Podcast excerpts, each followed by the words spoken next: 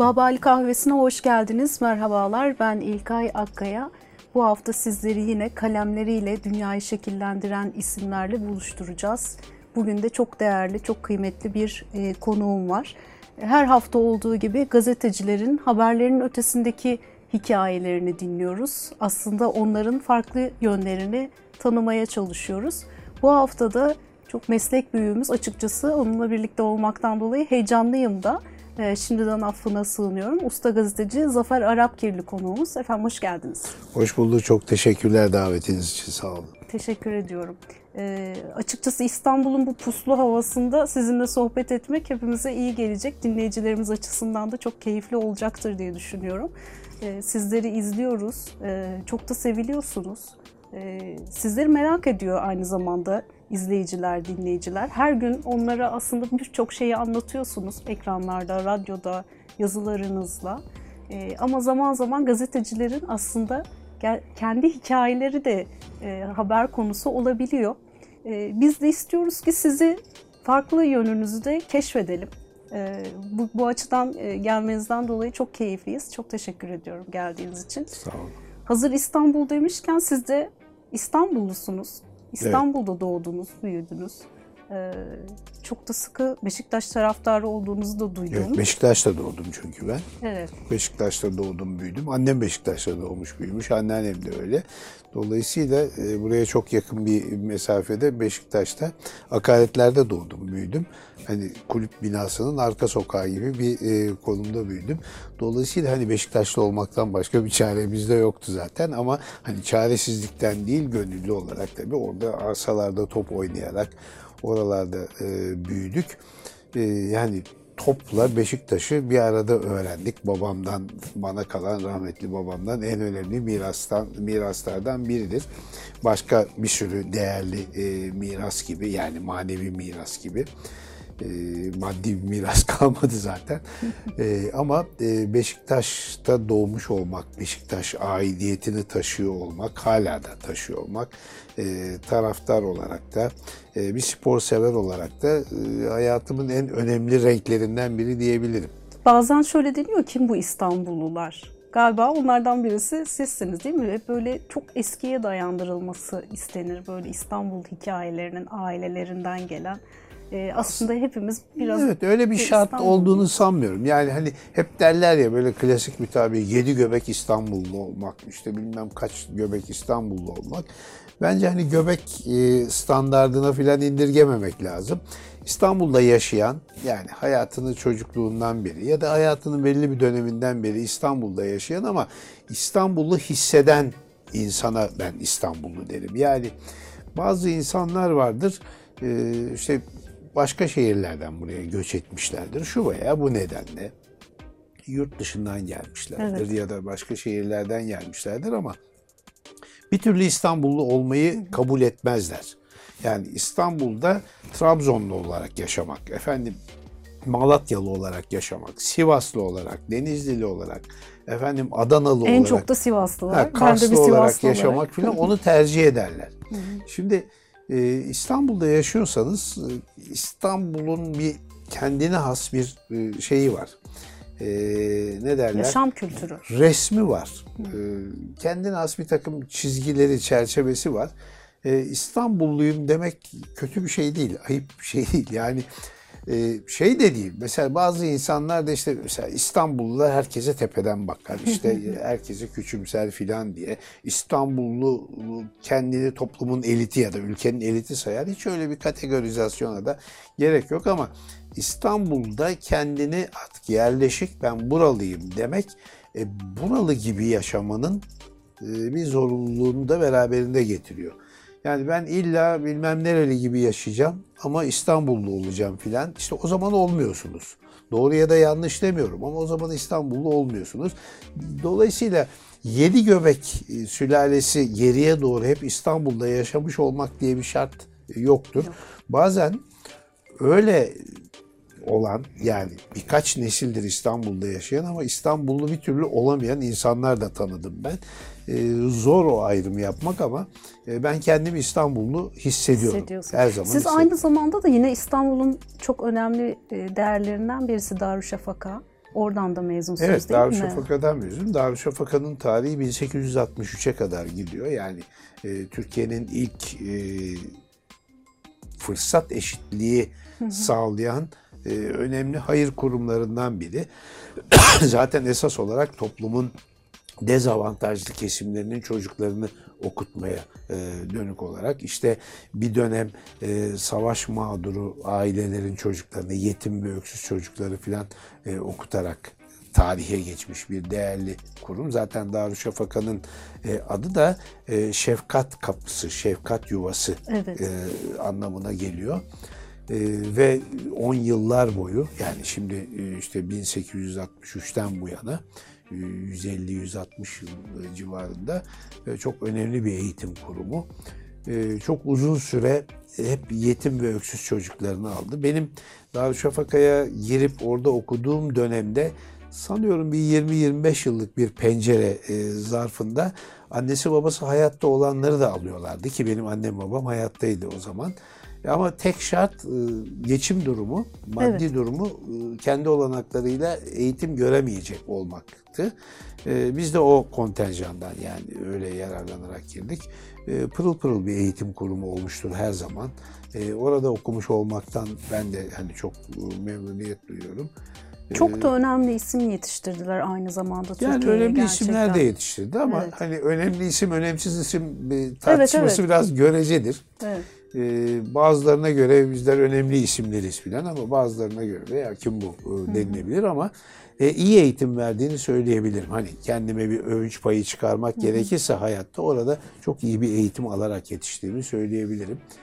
E, dolayısıyla Darüşşafakalı olmak da hani demin konuştuğumuz İstanbullu olmak Evet. gibi e, insana e, kendini iyi his- hissettiren belli bir kazanç anlamına, manevi bir değer anlamına gelen bir e, etikettir. Bir de Darüşşafakalı diye bir etiketim var. Bak İstanbullu, Beşiktaşlı, Beşiktaşlı. ve Darüşşafakalı diye Etiketleriniz üç, çok. üç önemli etiket Şimdi ben e, sizin en önemli etiketinizi de tekrar hatırlatacağım. Gazetecilik. Nasıl başladınız Zafer Bey gazeteciliğe? Nasıl istediniz bu mesleği yapmayı? Bazen insan fark etmeden kendisini böyle bu bir mesleğin içinde bulur. Şimdi gazeteciliğin tabii biliyorsunuz çok önemli bir e, özelliği var. E, illa bir mektepten bu işin eğitimini görerek yetişmek gerekmiyor. Yani alaylı olarak da gazeteci Evet. olabiliyorsunuz. Ben alaylı gazeteci sınıfındanım. Yani iletişim fakültesine ya da gazetecilik e, fakültesine gitmedim. Boğaziçi Üniversitesi'nden Evet Boğaziçi. Üniversitesi'nde de alakasız bir bölümde okudum. Bilgisayar programcılığı okudum ama sonra bir ara mimarlık okudum falan. Başka e, dallarda gittim Vallahi geldim. On parmağında on marifet Ama e, liseden sonra hemen e, bir gazeteciliğe bir yerden bulaştım. İşte günlük gazetelere yabancı basından çeviriler, çeviri haberler filan yapıyordum. Öyle bir yerden bulaştık. Gazetecilik biraz da şeydir yani o hani e, sanatçılara, tiyatrocu ya da sinemacılara sahne tozunu yutmak denir ya. Gazetecilikte de mürekkep kokusunu bir kere tatmak ondan sonra iflah olmuyor insan. E, bu işin emekliliği de çok e, olmaz. Yani aynı sanatçılar gibi ben hep öyle söylerim. Üç tane meslek vardır emekliliği olmayan. Bir sanatçılar yani sahne sanatlarından bahsediyorum ya da işte plastik sanatlar, görsel sanatlar. İki gazetecilik, üç siyasetçilik. Bu üçünün emeklisi olmaz. Yani bunlar ölene kadar yapılır. Tabii ki fiilen e, gidip gelip bir diye basın yayın kuruluşuna e, belki bir yaştan sonra hani- İstemeden de yapılmayacak bir meslek değil e, mi? Tabii Özellikle. istemeden de yapılmayacak? Aynı sanatçılık gibi, aynı siyasetçilik gibi. İstemeye istemeye siyaset yapmaz insan ya da istemeye istemeye sahneye çıkmaz. Gazetecilik de böyle. E, zaten gazetecilik e, bence bir iş ya da meslek olmaktan ziyade bir yaşam biçimi. Evet. Yani o yaşam biçimini özümsemeden de yapılacak bir şey değil. Dolayısıyla hani gündüz gidiyorum gazetecilik yapıyorum, akşam da başka bir iş yapıyorum diye bir şey yok. Gece gündüz Gece hele devam edecek. haberciyseniz e, haber e, dönüşümü ya da sirkülasyonu dediğimiz yabancı dilde e, onun içine kendinizi attınız mı zaten bir daha e, geri dönüş yok. E, müthiş keyifli bir meslek. Ben her zaman her yerde şunu e, çok büyük bir keyif alarak da söylemişimdir. Dünyaya yüz kere gelsem yüzünde de bu mesleği yapardım herhalde diyorum. Oo. Çünkü çok e, yaşayarak ve keyif alarak yaptığım bir iş. Çünkü gazeteciliğin özü e, bence hani bir numaralı vazgeçilmez muhtevası e, haber vermek, toplumu bilgilendirmek. Ve mümkün olduğu kadar hızlı, mümkün olduğu kadar taze, en önemlisi de doğru, sağlıklı haber vermek. Siz gazeteciliğin aslında her evresinden geçtiniz. E, yurt dışında da çok uzun yıllar e, bulundunuz. Evet yani yaklaşık 20 yıl BBC'de. falan İngiltere'den e, gazetecilik yaptım. E, oraya ilk gittiğim dönemde BBC e, Dünya Servisinde çalıştım. E, Türkçe bölümünde, radyoda Evet. çalıştım. Sonra oradan e, ayrıldıktan sonra Türkiye'ye muhabirlik yaparak devam ettim. İşte çeşitli kurumlara, kuruluşlara, Cumhuriyet Gazetesi, Milliyet Gazetesi, Kanal D televizyonu, NTV televizyonu, CNBC. Peki en keyifli döneminiz hangi yıllar diye sorsam Hepsi. size? Hepsi yani e, benim gazeteciliğe ilk başlayışım burada İstanbul'da e, şeydedir, e, Babali'dedir. Evet, yani adı. Cağaloğlu yıllarında. İşte Cumhuriyet Gazetesi'nde, Güneş Gazetesi'nde çalıştığım dış habercilik esas olarak buradan yani BBC'ye gitmeden evvel hep e, dış habercilik yaptım. E, o yıllardaki... Babali yokuşunu tırmandınız. Evet, Babali yokuşunu tırmanmak çok önemli bir şey bizim hayatımızda. Yani e, Sirkeci'de e, inip ya da işte Eminönü'nde iskeleden inip o yıllar bir, dönem karşıda oturuyordum. Oradan o Cağaloğlu yokuşunu tırmanmak işin bir önemli bir e, bölümüydü.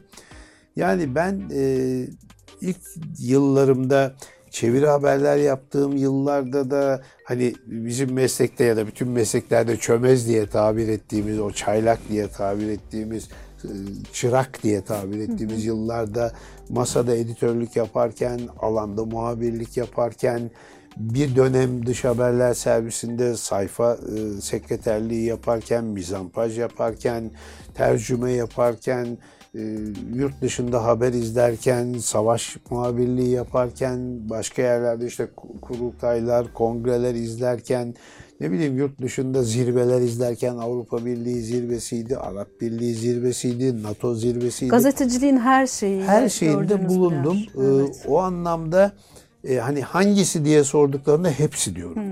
Sonra yazılı basından işte BBC'ye e, gittim. Orada radyo yayıncılığını öğrendik. Kısmen televizyon yayıncılığını öğrendik. Oradayken işte Türkiye'ye muhabirlik yapmaya başladım. O dönemde yani 90'lı yılların başında Türkiye'de özel televizyonlar e, yayın Evet. yapmaya başladılar. Özel televizyonlar ve radyolar. Oradan buraya muhabirlik yapmak çok ayrı bir keyifti. E, yurt dışında muhabir Nasıldı? olmak. O dönemi böyle anımsıyor musunuz? Yani işte ilk televizyon özel yayın çıkmış TRT dışında bir şey. Siz yurt dışındasınız. Oradan buraya yayıncılık yapıyorsunuz. E, Var mı böyle bir yepyeni bir anınız? yepyeni ufuklar açılması anlamına geliyor o dönem. Mesela ben ilk defa e, yanlış hatırlamıyorsam e, Kanal D, Kanal 6 filan gibi televizyonlar bizi arayıp oradan tek tek haberler alıyorlardı. Sonra rutine bindirdiler. İşte haftanın belli günlerinde e, ben Londra'da bir stüdyoya gidiyordum. Buradan bağlanıyorlardı. İşte ben vardım. New York'tan bir arkadaşım işte Paris'ten e, Milano'dan, Berlin'den, Atina'dan, Hollanda'dan filan arkadaşlar bağlanıyordu. Böyle dönüşümlü olarak dünyanın dört bir yanından haberler vermeye başlıyorduk. Daha o zaman böyle emekleme çağı e, televizyonun ama hani biraz da yapa yapa öğreniyorduk. Hem buradakiler öğreniyordu hem biz dış muhabirliğin televizyon tarafını öğreniyorduk. Çünkü dış muhabirlik hani yazılı basında filan Türkiye'de çok önemli Ama bir- yine de ufuk genişmiş ki Tabii yani, yani- Türkiye'den bağlantıyı bırakın da oralara gitmişler. E, Tabii Gerçekten yani evet. Türkiye'de e, dış muhabirlik geleneği aslında çok eskilere dayanır. Yani hani Türkiye'de çok kaliteli dış muhabirlerin yetiştiği bir dönem vardı. Yani belli bir dönem ben hatırlıyorum biz Cumhuriyet Gazetesi'ndeyken hani şimdi e, yani kadroyu saysam ne, ne, biçim bir kadroymuş falan diyebileceğiniz çok değerli isimler. Hepsi Cumhuriyet'in bünyesindeydi. Tabii öteki gazetelerde, Hürriyet'te, Milliyet'te de çok önemli isimler vardı. Yani bir Mehmet Ali Birand efsanesi vardı Evet. e, Brüksel'den, e, öteki şehirlerden filan. Ama hani biraz da e, televizyon o konuyu da dönüştürdü biraz. Televizyon ve radyo e, muhabirliği. E, şimdi yavaş yavaş artık e, Babali'nin ya da Babali demeyelim de hani e, Türk medyasının maddi imkanları azaldıkça dış muhabirler artık önemini kaybetti, kaybetti ve şimdi neredeyse bir elin parmakları kadardır. Evet. E, yayın kuruluşlarının maaş vererek çalıştırdıkları. Hatta ben de bu sürecin bir kurbanı olarak Londra'dan buraya dönmek zorunda kaldım. Çünkü en son çalıştığım kurum ben Londra'da muhabirlik yapıyordum. E, bana dediler ki artık hani sana maaş veremeyeceğiz çünkü maddi koşullar çok zorlaştı. Parça başına dönelim dediler. E parça başına dönelim demek internetin kullanımının bu kadar yaygın olduğu bir dönemde şu anlama geliyor. Haberlerin büyük bir çoğunluğunu internetten alacaklar. Senden Çok 40 yılda bir şey isteyecekler. Evet. e, haber isteyecekler. O benim orada aç kalmama neden olurdu. Ben biraz da zorlanarak Döndünüz. buraya döndüm. Ama e, lafın başında ne, neredeydik? Yani her tarafını tattım. Her e, unsurunu tattım medyanın. E, yöneticilik yaptım çok kısa bir dönem. E, ama esas olarak sahada olmak, haberin içinde olmak, masada olmak, e, yani hem editör olarak hem e, muhabir olarak. Tabii televizyonlarda da uzunca bir dönemdir de hani kendi ismimle ya da e, benimle özdeşleşmiş programlar yaparak e, geldik bugüne kadar. Şu anda da onu yapıyorum işte. 47 yıl oldu değil mi Evet. meslekte? İlk başladığımdan. Ee, gerçekten maşallah hepimiz sizden feyiz alıyoruz. Ee, yani çok zor gerçekten 47 yıl aynı heyecanla bu meslek içerisinde tutunabilmek Vallahi bir her yandan. sabah yani abartılı bulabilirsiniz. Her sabah aynı heyecanla kalkıp gidiyorum işe. Harika. Ve e, bir de sabah yayınları yaptığım için erken Evet. başlayan bir yayın yaptım. Gerçi şimdi 11'de e, başlıyor yayınım ama ben 7'de falan oradayım.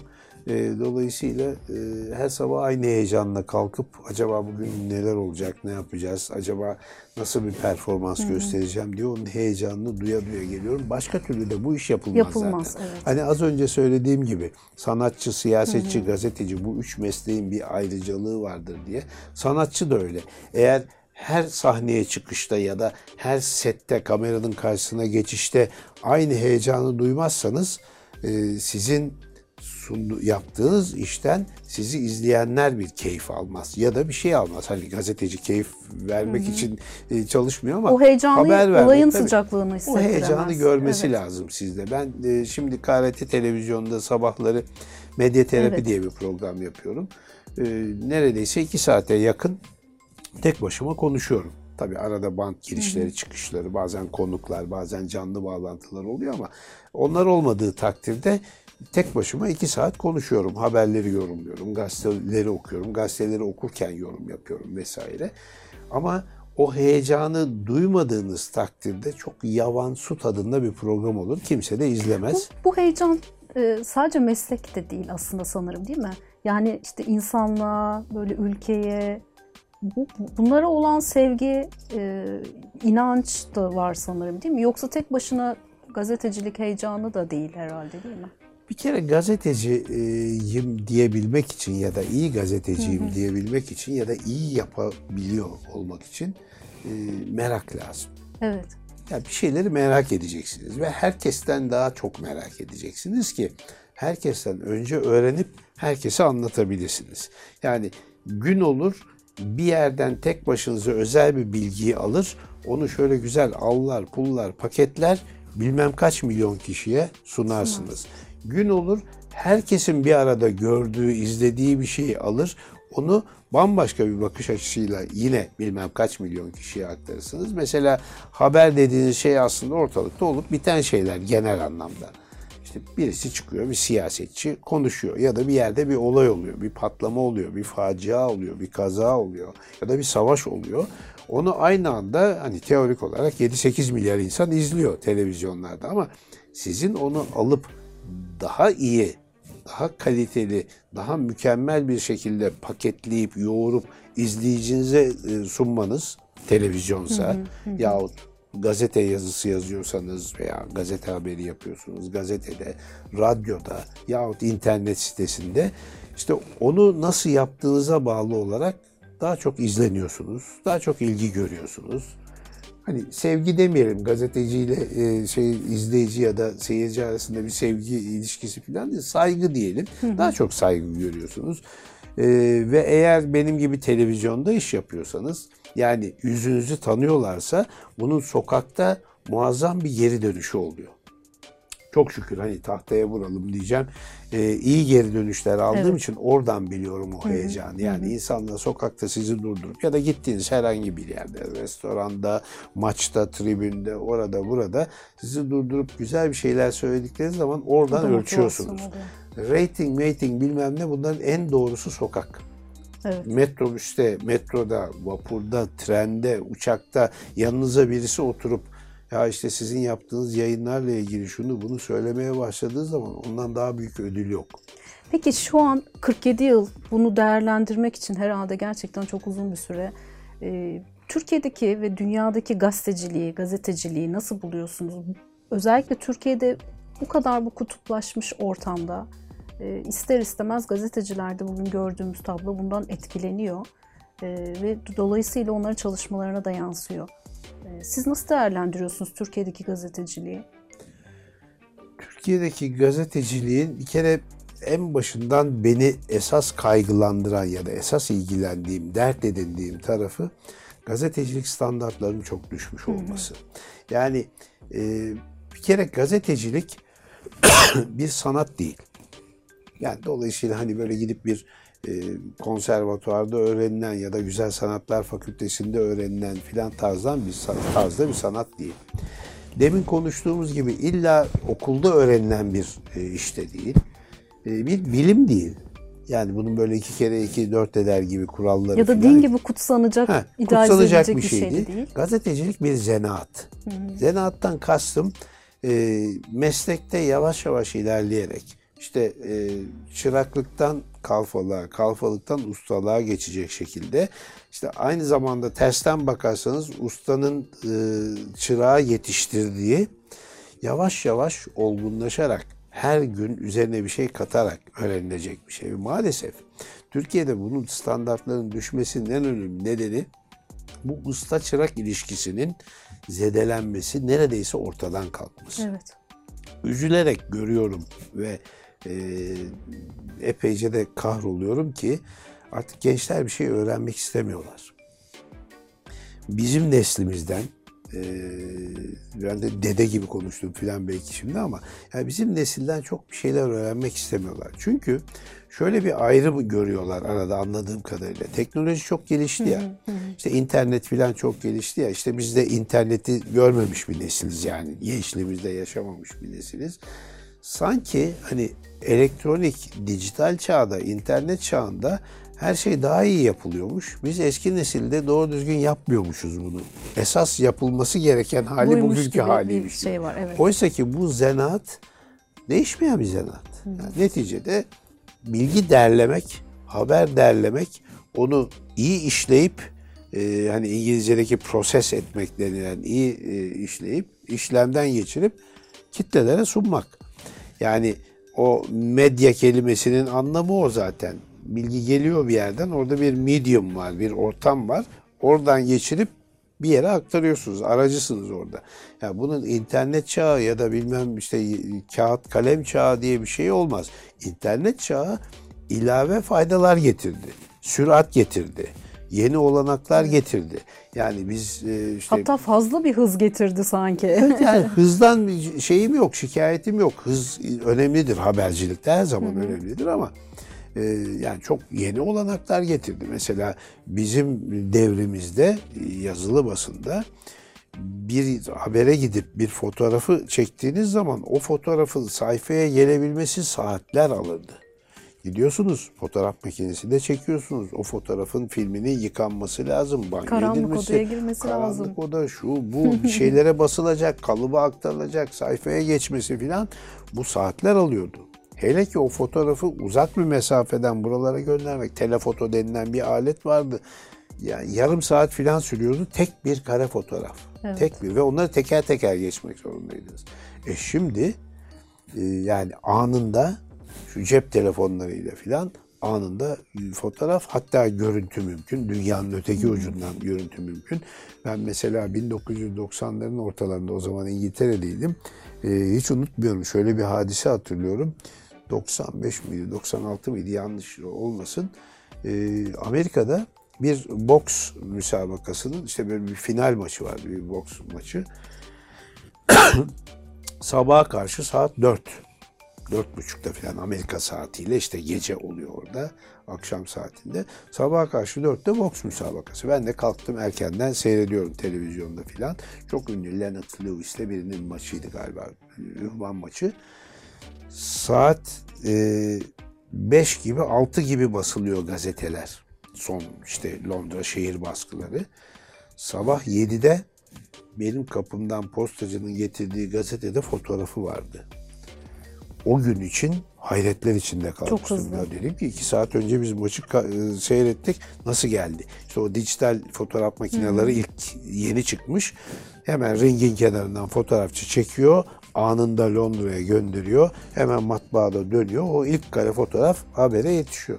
Bu bizim için böyle muazzam bir devrimdi ama Şimdi işte Şimdi bakıyorsunuz daha. muhabir nereye giderse gitsin elinde cep telefonu varsa kamera ekibi işte reji bilmem ne oradan naklen yayın arabası olmasına bile gerek yok. Şimdi hatta bir de şöyle bir tartışma var ya Zafer Bey yani işte artık son dakikayı belki vermek anlamsız çünkü orada gördüğünüz şeyi zaten bir bakıyorsunuz gazetelerin dışında sosyal medya aracılığıyla insanlar zaten paylaşıyorlar. Dolayısıyla e, şimdi yapay zeka da devreye girdi. Yeni yeni yeni teknolojiler artık e, işi alıyor. E, onların girdiği devreye girdiği yerde gazeteciler işsiz kalacak diye de bir tartışma var. Siz nasıl bu yani o gazetecilik zaman, mesleğinin geleceğini nasıl görüyorsunuz? Evet, o hiçbir zaman olmayacak. Hmm. Yani gazetecilik mesleği ölmeyecek. Çünkü gazetecilere her zaman ihtiyaç var. Niye ihtiyaç var? Çünkü gazetecilik profesyonel bir uğraş. Hmm. Yani haberi ve bilgiyi e, doğru bir şekilde, düzgün bir şekilde belirli standartlar çerçevesinde kitlelere yansıtmak. Evet.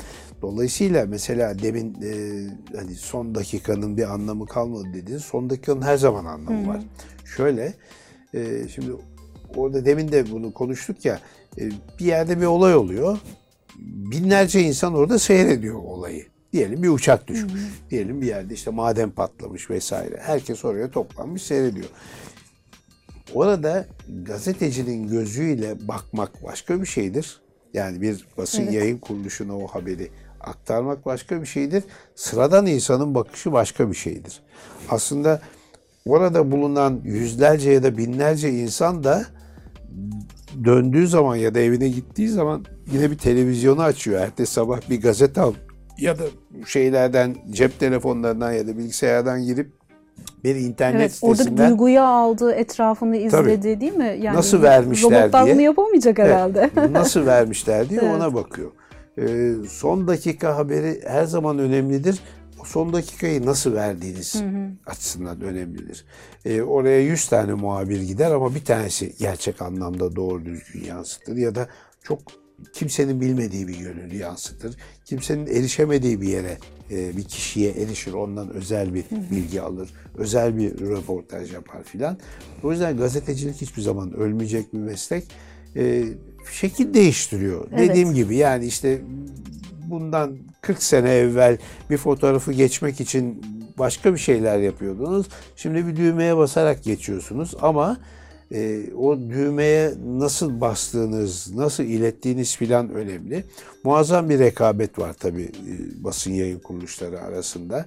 Şimdi e, yüzlerce, binlerce internet sitesi var. Eskiden işte basın dediğiniz zaman Babali yıllarında evet. yani Cağaloğlu yıllarında işte 7, 8, 10 tane filan gazete vardı. E şimdi herhalde yani kağıda basılı gazeteler yine 15 tane 20 tane filan ama internet sitesini herhalde saymak mümkün evet, değil. Çok fazla. YouTube kanallarını saymak mümkün değil. Televizyon kanalları hangisine basacağınızı şaşırıyorsunuz filan. Ama içerikteki kalite, içerikteki özen, hı hı. içerikteki mükemmeliyet işte farkı o yaratıyor. Onu yapabilen öne çıkıyor zaten. Evet. Şunu da sormak istiyorum. Ee, Böyle en unutamadığınız bu meslekteki an gelir mi aklınıza? Vallahi çok Çoktur var. eminim. Yani, yani işte siz bu mesleğin her yerinde bulunmuş bir insansınız. Dediğiniz gibi işte muhabirliğinden televizyon ekran önüne kadar yöneticiliklere, her editörlüğe, her evresinde bulunmuş bir Şimdi isimsiniz. Tabii gazetecilikte en önemli, en heyecan duyduğunuz an bir şeyi herkesten önce verebilmek. ya da herkesten önce oraya koşmuş olmak ya da hiç kimse yokken sizin orada olmanız. Mesela öyle bir anımı hatırlıyorum ben. E, 99 senesiydi sanıyorum. 1999. Pakistan'da askeri darbe oldu. Pervez hmm. Müşerref işte hükümeti devirip e, yönetime el koydular. Ben o zaman Londra'da çalışıyorum. E, Londra'da e, Milliyet ve Kanal D'nin muhabirliğini yapıyorum. Yoldaydım. Arabayla bir yerden bir yere gidiyordum. Yani bir, bir iş için değil öyle Londra'nın orta yerinde bir yerde arabayla gidiyordum. Radyoda duydum şey arabanın radyosunda duydum Pakistan'da darbe olduğunu. Buradan milliyetten dış haberlerden beni aradılar. Daha doğrusu ben onları aradım duydunuz mu filan dedim. Evet duyduk dedi. Ee, dış haberler müdürü bana dedi ki ya gidebilir misin dedi Pakistan'a. Şimdi özellikle de bana söylemesinin bir nedeni vardı. Çünkü e, benim işte yabancı pasaportum da var. İngiliz, İngiltere pasaportu da var. Hani vize mize diye bir dert olmayacak. Kolaylık olacak. E, uçağa da kolay binebilirim diye. İyi giderim dedim ve arabanın yönünü Heathrow Havaalanı'na çevirdim. Ee, bu birkaç kez daha geldi başıma da yani o gün hızla Yoldayken oraya direkt ha, gittiniz. Evi evet. de aradım.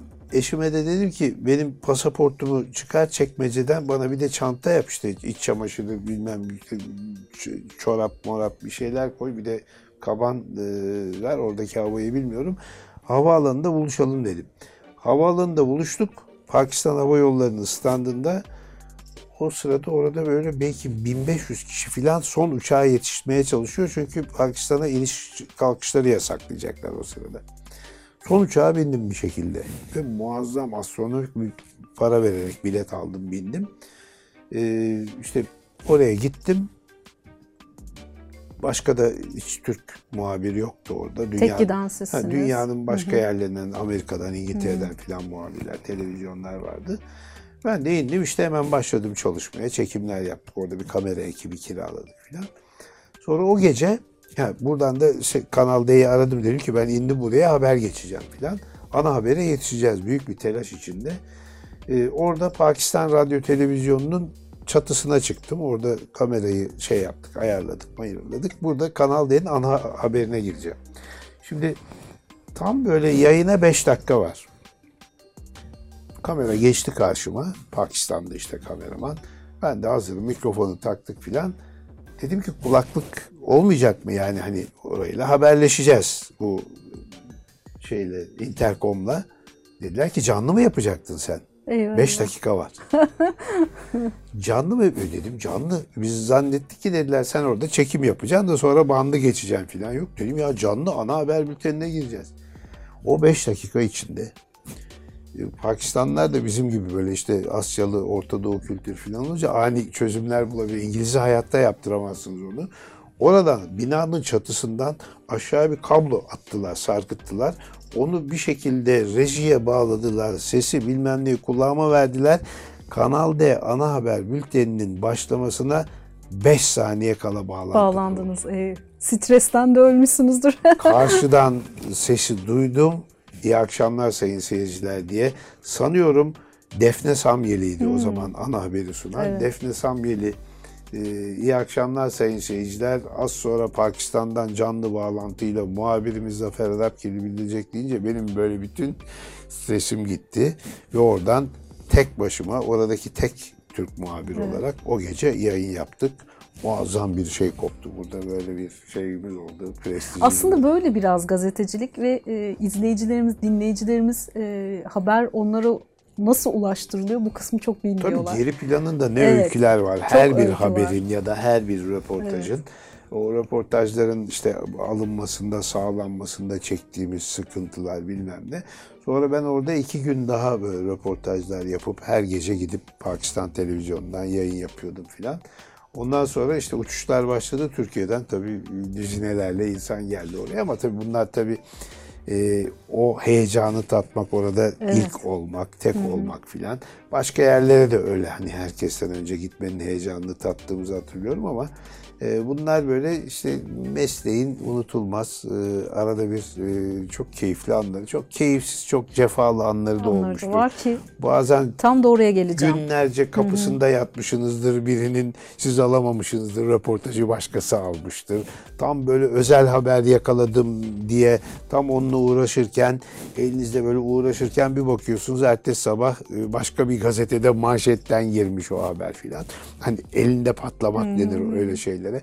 Onlar da olmuştur ama genellikle o heyecanı e, yaşamak, o heyecanı Siz hep keyifli tatmak. yönlerini anlattınız. Belki o bile keyifli yöne girebilir. Bir de bunun davaları var. Yargılamaları var. Tabii hapisleri davaları, var. yargılamaları Size de da çokça dava açılıyor biliyorum daha geçtiğimiz günlerde Tabii yani- Ankara'daydınız. muhabir arkadaşlarımızın da başına geliyor bu. Yani niye o haberi yapıyorlar, niye o şeylere e, istenmeyen alanlara giriyorlar diye. E, ben yorumcu e, sıfatıyla işte hem köşe yazarlığı yapıyorum bir yandan hem de televizyonda her gün yorum yapıyorum. Ondan başımız derde giriyor. E, ben hep şöyle nitelendiriyorum. Yani biz birilerinin rahatını bozuyoruz. Birilerinin keyfini kaçırıyoruz. İşte onlar da bizim e, keyfimizi kaçırmak üzere intikam alıyorlar. E, bu karşılıklı bir şey ama bizim kimseye şahsi olarak bir kastımız yok. Hani kimseyi şahsi olarak hede- hedef almıyoruz. Bizim eleştirdiğimiz sistem, düzen, yönetim biçimi yani iktidarın yanlış uygulamaları.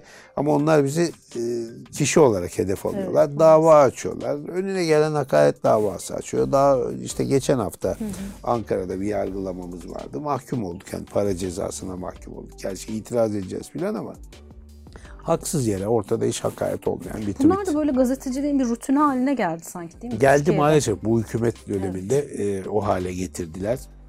Sürekli olarak bir taciz politikasına dönüştü bu. Tatsız tabii yani adliyenin e, herkesin attığı tweetle, herkesin ağzından çıkan her cümleyle, her lafla meşgul edilmesi çok gereksiz bir şey. Adliyelerde şu anda herhalde yani abartmış olmayayım milyonlarca böyle dava vardır. Kaşının üstünde gözüm var, gözünün üstünde kaşım var filan diye böyle davalar açıyorlar. Gereksiz böyle bir şey. Ee, şu açıdan da gereksiz. Çünkü e, baskıcı rejimler insanları böyle davalarla sindirebileceklerini zannediyorlar. Halbuki biz işimizi yapıyoruz. Yani hani bizim öyle basın özgürlüğü, düşünce ifade özgürlüğü, fikir özgürlüğü mücadelesinden geri dönecek bir halimiz yok. Yani biz bunu bir şey edinmişiz. Ee, bir siyasi rakip de değiliz iktidara. Siyasi bir kimliğimiz de yok. Benim hiçbir partiyle, hiçbir dernekle, hiçbir şeyle e, bağlantım da yok. Ben gazeteci olarak doğru gördüğümü söylemeye, doğru haberi anlatmaya filan gayret ediyorum. Ondan dolayı hedef alıyorlar. İşte televizyon programlarımızdan Rütük'ten ceza geliyor, oradan ceza geliyor filan. Ama hani şunu e, anlamak istemiyorlar. Aslında biliyor olmaları lazım. E, bizim gibi insanların yani bütün derdi gazetecilik olanların, bilgi vermek olanların ya eyvah bana çok dava açıyorlar da hadi ben korkayım gidip evime çekileyim. Geri adım atayım. Ee, geri adım atayım. Gidip işte boğazda balık tutayım. Torunlarımı seveyim. Kedimle köpeğimle uğraşayım falan diye. Geri dönecek bir halimiz yok. Ee, inşallah öğrenirler bir gün diye umuyoruz. Şunu da sormak istiyorum son olarak Zafer Bey. Yani e, bu meslekte e, Türkiye'de çokça şey yaşadınız bir yandan da. Türkiye'nin e, içinden geçtiği bütün durumları en çok herhalde gazeteciler e, onları daha kanıyla canıyla hissediyorlar. İşte darbeler, savaşlar, e, büyük afetler. Bunları yaşadığınız dönemde orada olamadığınız ve böyle hayıflandığınız bir haber an var mı? Çok olmuştur. Neden çok olmuştur? Çünkü Türkiye... Ya da böyle bir başarıyı da görmüşsünüzdür belki. Bunu da ben yapsaydım keşke diye böyle bir hafiften böyle kıskandığınız Mutlaka, da var. mutlaka olmuştur. Çok olmuştur hatta. Evet. Yani dedim ya bazen e, çok böyle kafanızda kurduğunuz, uğraştığınız bir manşeti ertesi gün rakip gazetede görüyorsunuz ya da bir televizyon haberinde görüyorsunuz. Mutlaka kıskanıyorsunuz ama bunlar tabii şey e, böyle hoş kıskançlıklar. Yani böyle haset Evet, demeyeceğimiz ama ah keşke ben yapabilseydim. Çünkü Türkiye'nin şöyle bir özelliği var. aynı anda belki biz burada şu röportaj esnasında konuşurken dışarıda kim bilir 10 tane 20 oluyor. tane manşetlik iş oluyor. Yani Evet. haber oluyor. Dolayısıyla o kadar çok şey var ki yetişemediğiniz, edemediğiniz. E, bulunamadım diye hayıflandığım çok olay da olmuştur ama bulunduğum için de çok kendime bir övünç payı çıkardığım şey olmuştur. E, aynı anda çok şey oluyor Türkiye'de. Yetişmek mümkün değil. Bu diğer ülkelere siz dış haberde şimdi uzmanısınız. E, kıyasladığınızda Türkiye çok mu hareketli? Biz içindeyiz ya böyle hareketli. biz gerçekten böyle Çok hissediyoruz. Türkiye çok hareketli. Yani bazen bakıyorsunuz işte siz de burada e, izliyorsunuz. Evet. Aynı anda ne bileyim çok büyük bir kaza oluyor. Çok büyük bir çevre katliamı oluyor. Çok büyük bir siyasi, siyasi skandal patlıyor. Hele son 15-20 yıl gerçekten durmuyor. Aynı gün 4-5 tane kadın cinayeti oluyor. Yani hangisini ön, ön plana çıkaracağınızı bilemiyorsunuz. Aynı anda şu lider, bu lider, öteki lider öyle manşetlik laflar ediyorlar ki yani mesela şimdi televizyonda falan biraz daha kolay. Peş peşe onları tık tık tık tık verirsiniz ya da radyoda. Gazete yaptığınızı düşünün. Yani ben de yazılı basından geldiğim için mesela bir gazetenin birinci sayfasına hangi birini manşet O yapacağım? manşet çok yıkılırdı. Hangi birini ikinci Evet. sıraya atacaksın? İşte manşet sayfa yıkmak diye bir tabir vardı bizim e, de- dönemimizde yani yazılı basında. Gecenin bir yarısında öyle bir haber gelir ki sayfayı olduğu gibi değiştirirsiniz. Ya da ne bileyim aşağı çekersiniz. Yeni Manşet geleni onların değişir. üzerine sür manşet koyarsınız filan. Türkiye o açıdan hani tırnak içinde çok bereketli. Hangisine yetişeceğini bilemiyorsunuz. Ama tabii bir yandan da hani meselenin öteki tarafından bakınca da çok keyifli. Habersiz kalmıyoruz, konusuz kalmıyoruz. Ben mesela Finlandiya'da bir gazeteci olmak istemezdim ya da ne bileyim Norveç'te falan. yok. Hiçbir şey olmuyor yani oralarda. Hakikaten ben hani Finlandiya'yı da bildiğim için benim e, kızım Finlandiya'da yaşıyor. E, bazen buraya geldiği zaman diyor ki ya bu, burada bir günde olan şey orada 10 yılda falan olmuyor diyor. Gerçekten de öyle. Hareketli bir ülkeyiz. Peki gazetecilere bir öğüt verecek olsanız yeni nesile, gençlere ne derdiniz? merak denen güdüyü hiçbir zaman yitirmemek ve en e, şiddetle vereceğim öğüt şu gazeteciliği belirli saatlerle sınırlı bir iş olarak görmemek. Gazeteciliğin bir yaşam biçimi olduğunu kavrayarak yapmak. Yani ya işte akşam 5 oldu masamın çekmecesini kilitledim paltomu aldım çıktım bundan sonra kendi yaşamım. Böyle bir şey yok gazetecilikte. Hele bir de Türkiye'de hiç yok. Böyle bir şey yok. Ee, yani o zaman memurdan filan farkınız kalmıyor. O merak güdüsünü ve illa haberin e, peşinde olmak, e, illa orada olmak, yani bir şekilde orada olmak, hani illa fiziksel olarak değil de bir şekilde orada olmak ve fikri takip dediğimiz o konuyu takip etmek, yani bir yerde bırakmamak arkasını e, getirmek, devam ettirmek e, duygusunu ve o heyecanını hiç yitirmeden yapmak lazım. Öyle yapmadığınız zaman gerçek anlamda yapılmış olmuyor. E, o zaman da ya bence gidip başka iş yapsınlar. arkadaşlar. İyi gazeteciliğe gerçekten son yıllarda çok ihtiyacımız Tabii. var. Dilerim öğütleriniz e, gençlerin bizim kuşağında e, kulağına küpe olur diyelim. Bir de bir önemli öğütüm daha olur genç gazetecilere. Evet. Aman angaja olmayın. Angaja olmak, e, taraf tutmak e, gazeteciliği öldüren bir unsur. Bakın Bu da son yılların bir Tabii. belası değil mi? tarafsız olmakla adil olmak farklı şeyler. Şimdi e, taraflı olmak iki anlama gelebilir. Bir tanesi bir partinin, bir derneğin, bir liderin tarafında olmak. Bir tanesi de bir ideolojinin yanında olmak. Hepimizin siyasi fikirleri var, ideolojik yönelimleri var. E, aksi zaten çok doğal bir şey Evet. değil. Belli bir siyasi görüşü, belli bir çizgisi, dünyaya bir bakış açısı olmak ayrı bir şey. O anlamda taraflı olabiliriz.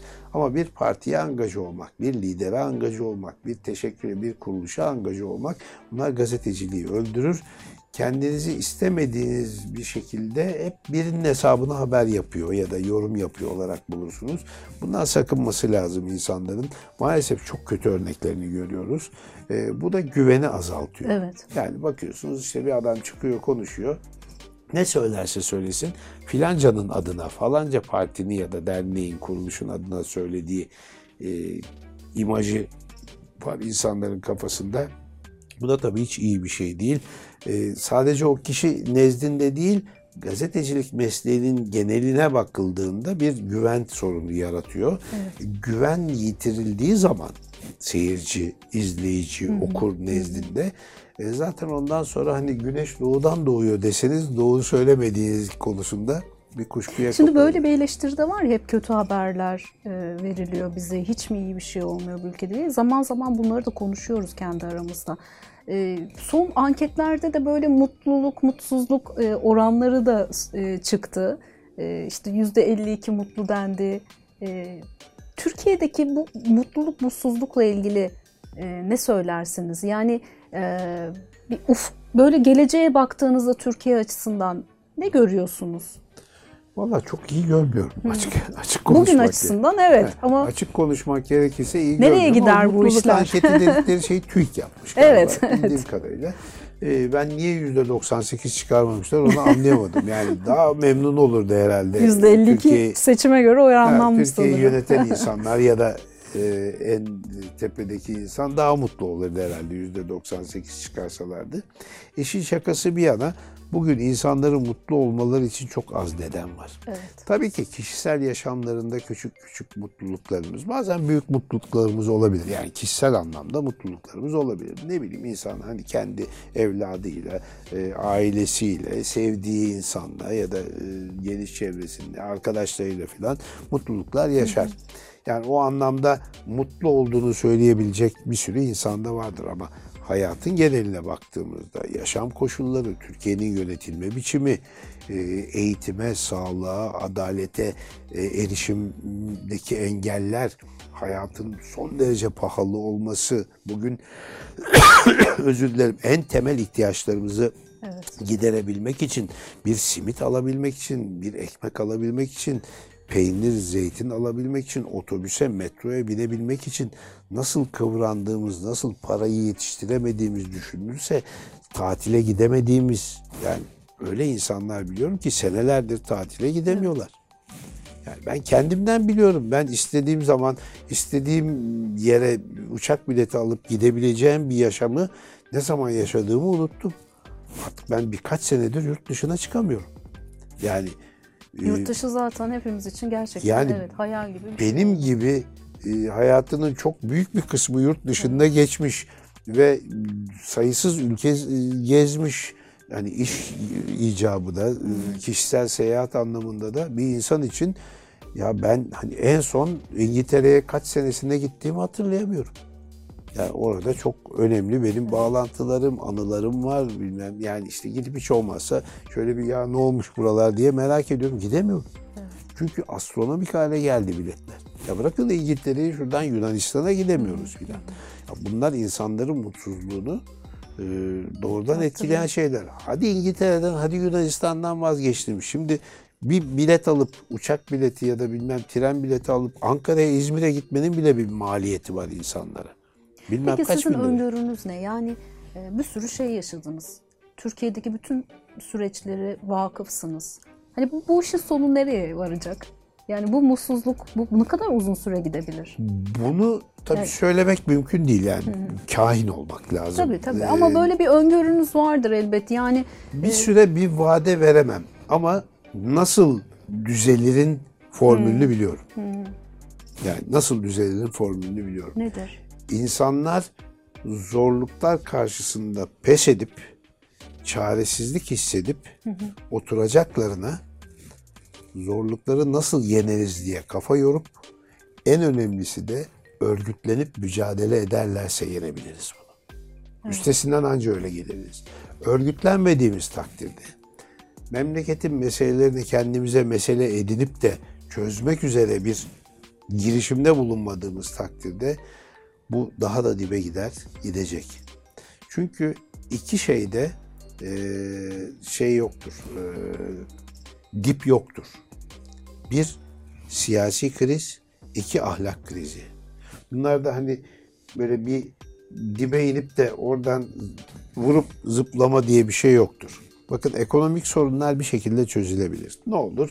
İşte iflas edersiniz. Kişisel hayatınızda da ya da bir devlette de bir şirkette de iflas edersiniz. Bir dip vardır. Oradan artık hani mecburen bir çıkış Yavaş noktası yavaş. bulunur. Adamın artık hani borçlanacak bile hali kalmamıştır. O kadar borca batmıştır ki işte derler ki tamam malına mülküne el koyalım, borçlarını ödeyelim. Sen artık sıfırdan başla. Ülkeler de öyle. Bazı ülkeler iflas çizgisine gelir. Birileri gelir el koyar işte o kaynakları bilmem neleri onlar idare etmeye başlar. Şirket öyle. Kapatır iflas eder başka bir şey yapar. Ama siyaset öyle bir şey değil. Gittikçe gidiyor. Bundan 20 yıl önceki sorunlarımızı hatırlayın. Bugünkü sorunlara bakın. Evet. İnanılmaz bir fark var arada. 40 yıl öncesiyle bugünü kıyasladığınızda inanılmaz bir fark var orada. Ahlak da böyledir. Yani bir insanda ahlaksızlığın sınırı yoktur. Dibe vurmak diye bir şey yoktur. Yani oradan hani vururum, vururum da Evet. zıplarım diye. Ama bunu önlemenin formülü dediğim gibi. Dert edinmek, mücadele etmek, düzeltmeye çalışmak ama bunu örgütlü yapmak. Örgütsüz hiçbir işe yaramıyor bu e, mücadele. Ya sendikada örgütleneceksiniz, ya sivil toplum kuruluşlarında, ya doğru düzgün siyasi partiler olacak, kitle tabanını genişletecek, iktidara gelebilmek için, bir şeyleri de- değiştirebilmek için akıllı uslu programlar oluşturacaklar, topluma o programlarını sunacaklar, toplumun itibarını ya da işte oyunu almaya çalışacaklar. Yoksa oturduğumuz yerde ya ne olacak bu memleketin hali dediğimiz müddetçe emin olun 10 yıl değil, 100 yıl değil, 1000 yıl daha böyle devam Evet. eder. Zafer Arap Kirli'den e, böyle daha e, umut vadeden bir şey istemiştim ama gazeteci her zaman görevini yapmakla meşgul. Ama formülü E, anlattım. Formülü Daha- anlattınız. evet. yine de bugünkü tabloya da yine gazeteciliğinizle işaret ettiniz. E, sizinle sohbet etmek gerçekten çok keyifliydi. Çok Sağ teşekkür olun, ediyorum. E, bizi kırmayıp buralara kadar geldiğiniz için. E, yeni Gazeteciliğin nesil- dışında bir şey konuşamadık. Evet Yani öyle oldu gerçekten. Ee, ama zaten biz biraz da bunu istemiştik bugün için. Ee, biz Türkiye'yi ve yaptığımız işleri hep ortaya koyuyorsunuz zaten ve onları herkes tarafından benimseniyor ve izleniyor. Ama Zafer Arap Kirli aslında arkada kim? Ee, o da hep merak ettiğimiz bir şey. Aslında toplum sizi çok iyi tanıyor, çok da seviliyorsunuz zaten.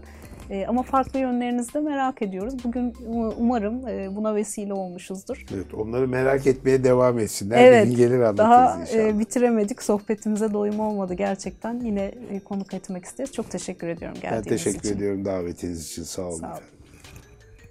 Evet, Babal Kahvesi programının bugünlük sonuna geldik. E, çok kıymetli duayen e, gazeteci ismimiz e, Zafer Arap Kirli'yi ağırladık bugün. Bize gazeteciliğinin ötesindeki insan yönünü açtı. E, ona da çok teşekkür ediyoruz. Önümüzdeki hafta yeni isimlerle karşınızda olacağız. Tekrar görüşmek dileğiyle.